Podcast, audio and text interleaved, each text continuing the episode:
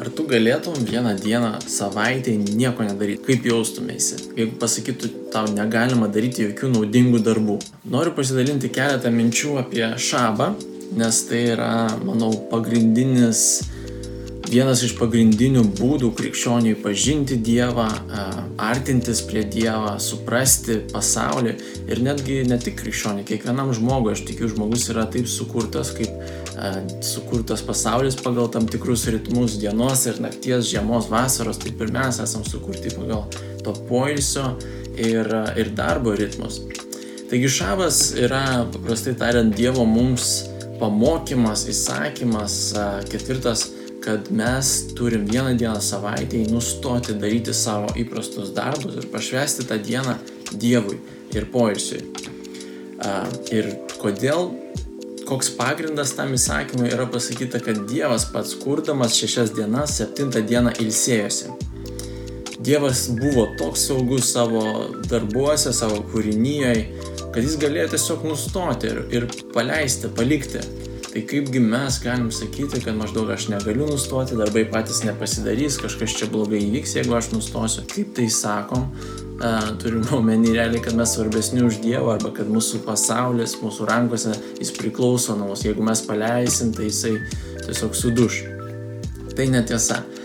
Bet kodėl Dievas sako laikytis šabo nėra tiesiog dar viena taisyklė mums duoti tą sąrašo taisyklių, jis nori pamokyti mus labai svarbaus principo, kaip mums geriau gyventi.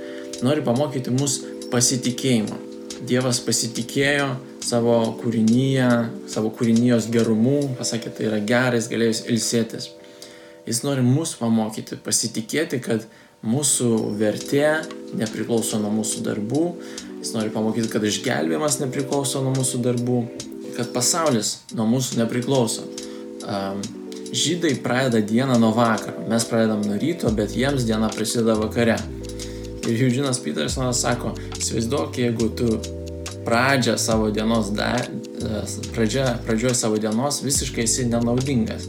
Tu esi, tu mėgi, tu net jokios neneši vertės pridėtinės. Ir tai yra kaip ženklas, mums galėtų būti kaip ženklas, kad mes atsibundam į pasaulį, kurį nesukūrėm, taip pat ir įeinam į išgelbimą, kurį neužtarnavom, gaunam meilę, kurį neužtarnavom. Dievo mums palankumas nėra dėl mūsų darbų.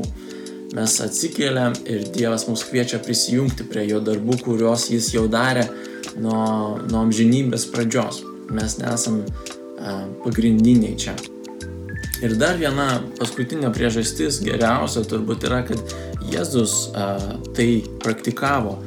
Jėzus reguliariai pasitraukdavo nuo žmonių, nors buvo labai reikalingas žmonėms, žmonės jį ieškojo, žmonės binios jį sekė, jis buvo žiauriai populiarus, bet jis reguliariai pasimdavo laiko pasitraukti nuo jų, atgaivinti savo sielą ir savo mokinius tą patį mokė daryti.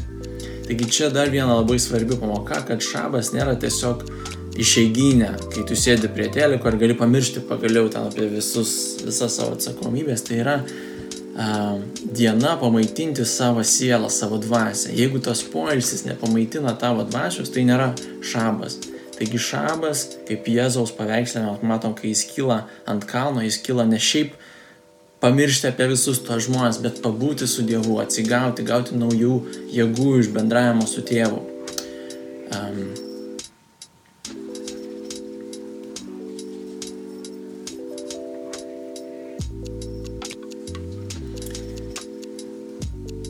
Ir mus jis tą patį mokė daryti, jis sako, be manęs, be bendravimo su manim jis nieko negali daryti. Aš esu šaknis, jūs esate šakelės, jūs turite pasilikti manyje, tai yra tam poilsėje, kurį aš jums suteikiu, tame išgelbėjime, toj meiliai, kur jūsų vertė nepriklauso nuo jūsų darbų ir tada jūs galėsit daryti. Tai matot skirtumą, ne tai, kad poilsis yra tada, kai tu jau lūšti negali nuo darbo, to tiesiog gyvybiškai reikalinga poilsio bet poilsis yra kaip pradžia visam darbui, kaip kūras visam darbui, kaip tai iš kur uh, kyla ir prasideda visas mūsų kūrybingumas. Ir uh,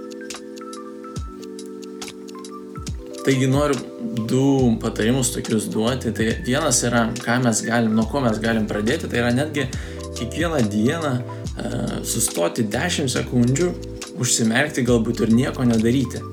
Mums netgi 10 sekundžių nieko nedaryti jau bus toks kažkoks signalas į, į smegenis, kad kas čia vyksta, palauk, ašgi turiu daryti kažkaip naudingas būti, patikrinti kažką, pažiūrėti, pa, patvarkyti. Jeigu tu 10 sekundžių sustosi, jau siunti signalą savo smegenim, kad, hei, pasaulis ne nuo mane priklauso, mano išgelbėjimas ne nuo mane priklauso, Dievas man suteikia vertę ne dėl to, ką aš darau.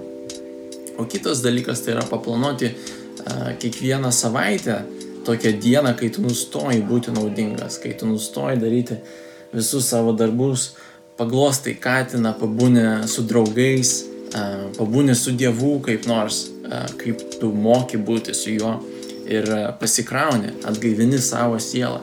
Ir taip pat galima ir į mėnesių kažką pasiplanuoti, kokią nors dieną ar savaitgalį, E, metuose pasiplanuoti savaitę, kai tu nieko nedarai, kai tu nesi naudingas, o nori atgaivinti savo sielą. Iki.